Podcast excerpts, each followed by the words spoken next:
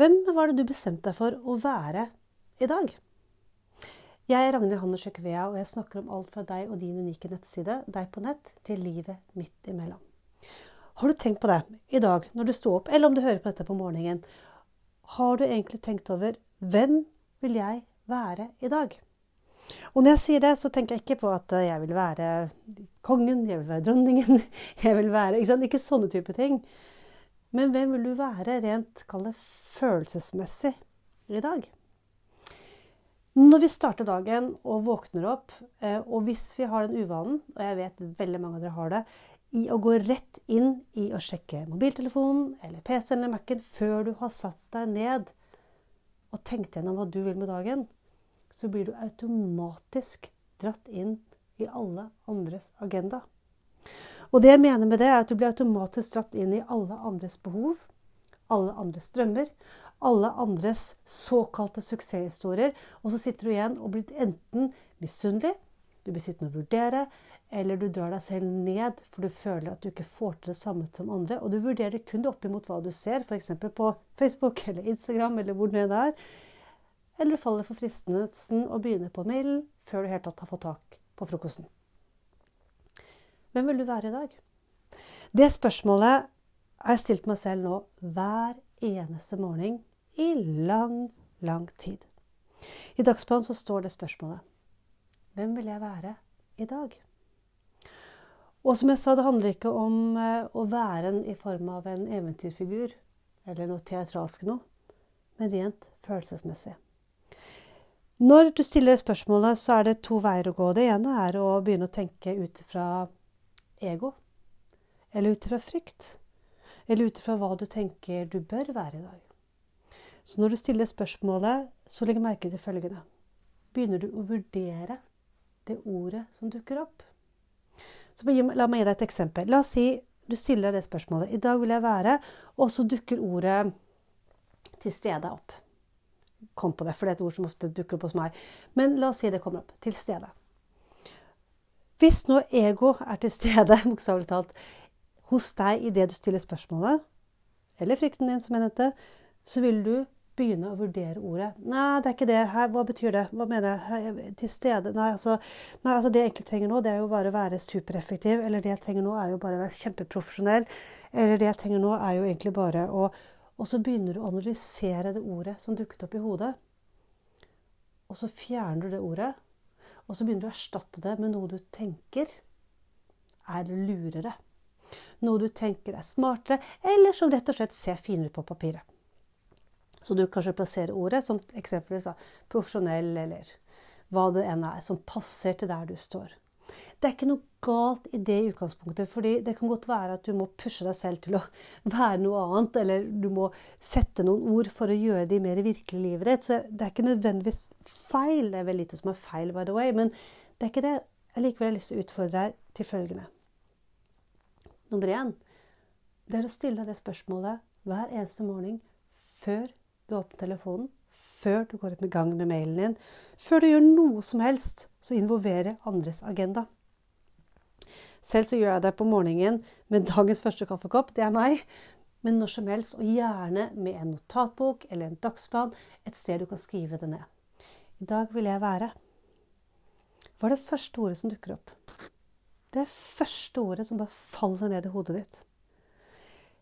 Nå er utfordringen det å ikke analysere det ordet. Ikke forsøke å forstå det ordet. Ikke forsøke å lage masse forklaringer på det ordet, eller hva det betyr. Jeg har som sagt testa dette ut i lang, lang tid, og det er like fascinerende hver eneste gang. For det som skjer, er at jeg, jeg bruker Det er ikke mange sekundene, men jeg spør meg det spørsmålet. I dag vil jeg være Og så bare slipper jeg det, og så legger jeg merke til det første som kommer. Og noen ganger så er det ord som strukturert, eller profesjonell, eller effektiv, eller typiske sånne jobbord. Andre ganger kommer det helt, helt andre ord. Og når jeg ikke eller ikke falle for fristelsen å vurdere ordet, men bare skriver det ned og ha tillit til at det ordet er riktig. Det er magisk.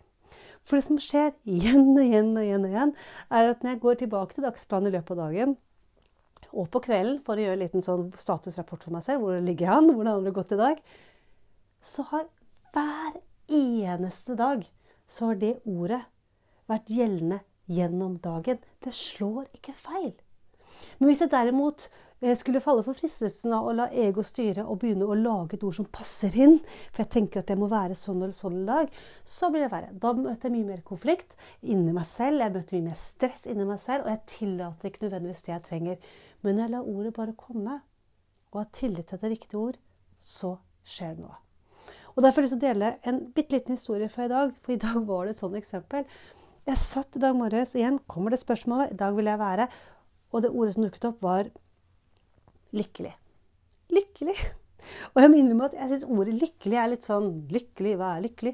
Så det er ikke et ord jeg, jeg skal si, har et sånt forhold til heller. Um, men jeg skrev det det. Og så var jeg nesten på vei til å tenke jeg var lykkelig, liksom. Hallo. Og så tenkte jeg nei, nei. Tillit. Lykkelig. OK, jeg vil være lykkelig. Jeg vil være lykkelig. OK, fine. Så gikk dagen i gang, og jeg hadde litt jobb jeg måtte gjøre. Og så plutselig, så, fordi ungene hadde akkurat tatt det fri, så befant jeg meg på tur med ungene. Vi dro et sted, alle fem ungene i bilen, og vi dro et sted aldri vært før.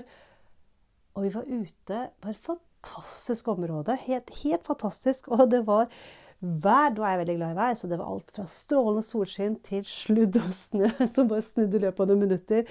Og ungene herja rundt, og de var, ble møkkete og gjørmete. Og det var masse liv og latter og masse lek, de fem imellom seg. Og jeg sto og så på dem og tenkte Å, herlighet, nå er jeg lykkelig.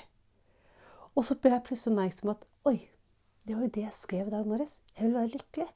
Og så sto jeg der, da, midt ute i ødemarka, og gjørme og jord på buksa og full pakke, og kjente meg lykkelig.